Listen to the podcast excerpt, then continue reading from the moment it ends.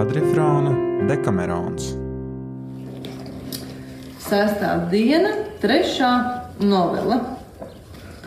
Mona Nonna no Pūčī dzimtas ar ātru atbildi atklāsina Florences bīskapa visai nepieklājīgo jokošanos.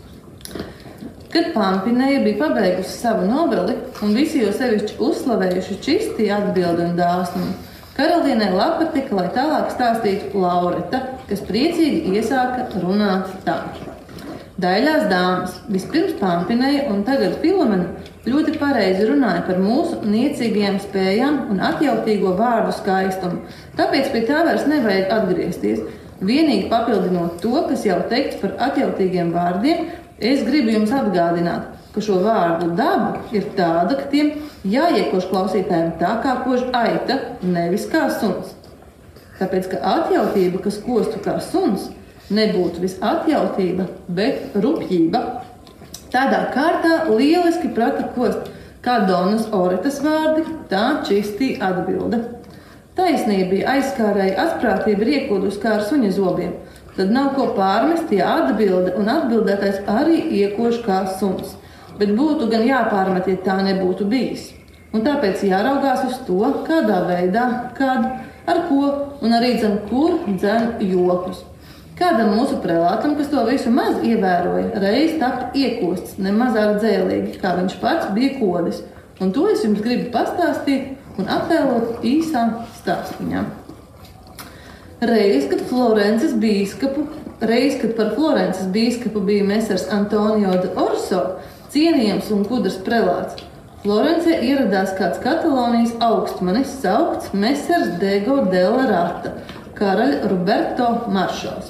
Tā kā viņš bija stalta auguma un bezgalīgi liels dāmas draugs, atgadījās, ka starp citām florenciešu donām viņam iepatikās kāda, kas bija īsta skaistula un mazmeita vienam no minētā bīskapa brāļiem.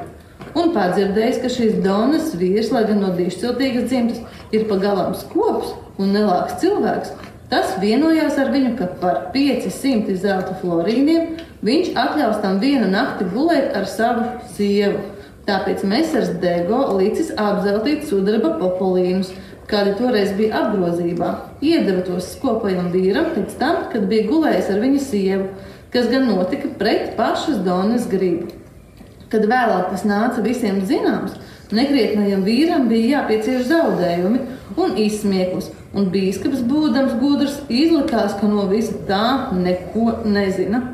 Tā kā bīskaps ar maršalu visai bieži sagājās, Atgadījās, ka San Giovanni dienā viens otram blakus jādami, viņi ieraudzīja uz ielas, kur notika zirgu skriešanās sacīkstes, daudzas dāmas, un to vidū bīskaps pamanīja kādu jaunu donu, kuru mums nolaupīja pašreizējā mēra sērga, un kura saukta Monna, Nonna no Pūčī dzimtas, bija Mesera Aleso Rinuči māsīca. Tā ka jums visām vajadzētu viņu pazīt. Šo donu, kas tolaik bija jauna un daļa, valodīga un visai drosmīga un attapīga, tikai nesen izgājis pie vīra no San Piero vārtu apkaimes, bīskaps parādīja maršalam. Un vēlāk, kad viņi atradās tās tuvumā, bīskaps uzlicis roku uz maršala pleca, sacīja: Nonna, kāds viņš tev liekas? Tu, vai tu domā, ka tiktu ar viņu galā? Nonai šķita, ka šie vārdi mazliet aizskar viņas godu, un ka daudzi klātesošie, kas visu dzirdēja, tu tagad uzskatīsi par aptraipītu. Un tāpēc, nedomādama taisnoties, bet gan dot sitienu pret sitienu, viņa tūlīt atbildēja. Mēs ar varbūt viņš netiktu ar mani galā, bet katrā ziņā es gribētu neviltotu naudu. Kad maršals un bīskaps izdzirda tādu atbildi, abi jutās vienlīdz aizskarti vārīgā vietā. Viens par bīskapa brāļa mazmeitai nodarīto apvainojumu, otrs par apvainojumu saņemtu caur paša brāļa mazmeitu. Viens otru neuzlūkodami, nokaunējušies un klusēdami, tie devās projām. Tajā dienā viņai neko vairāk neteikuši. Tātad jaunā dāma, tikusi aizskarta, nerīkojās nepiedienīgi, jokojot aizskardama citus. Vai ne, Frīda? Vai ne? Ko?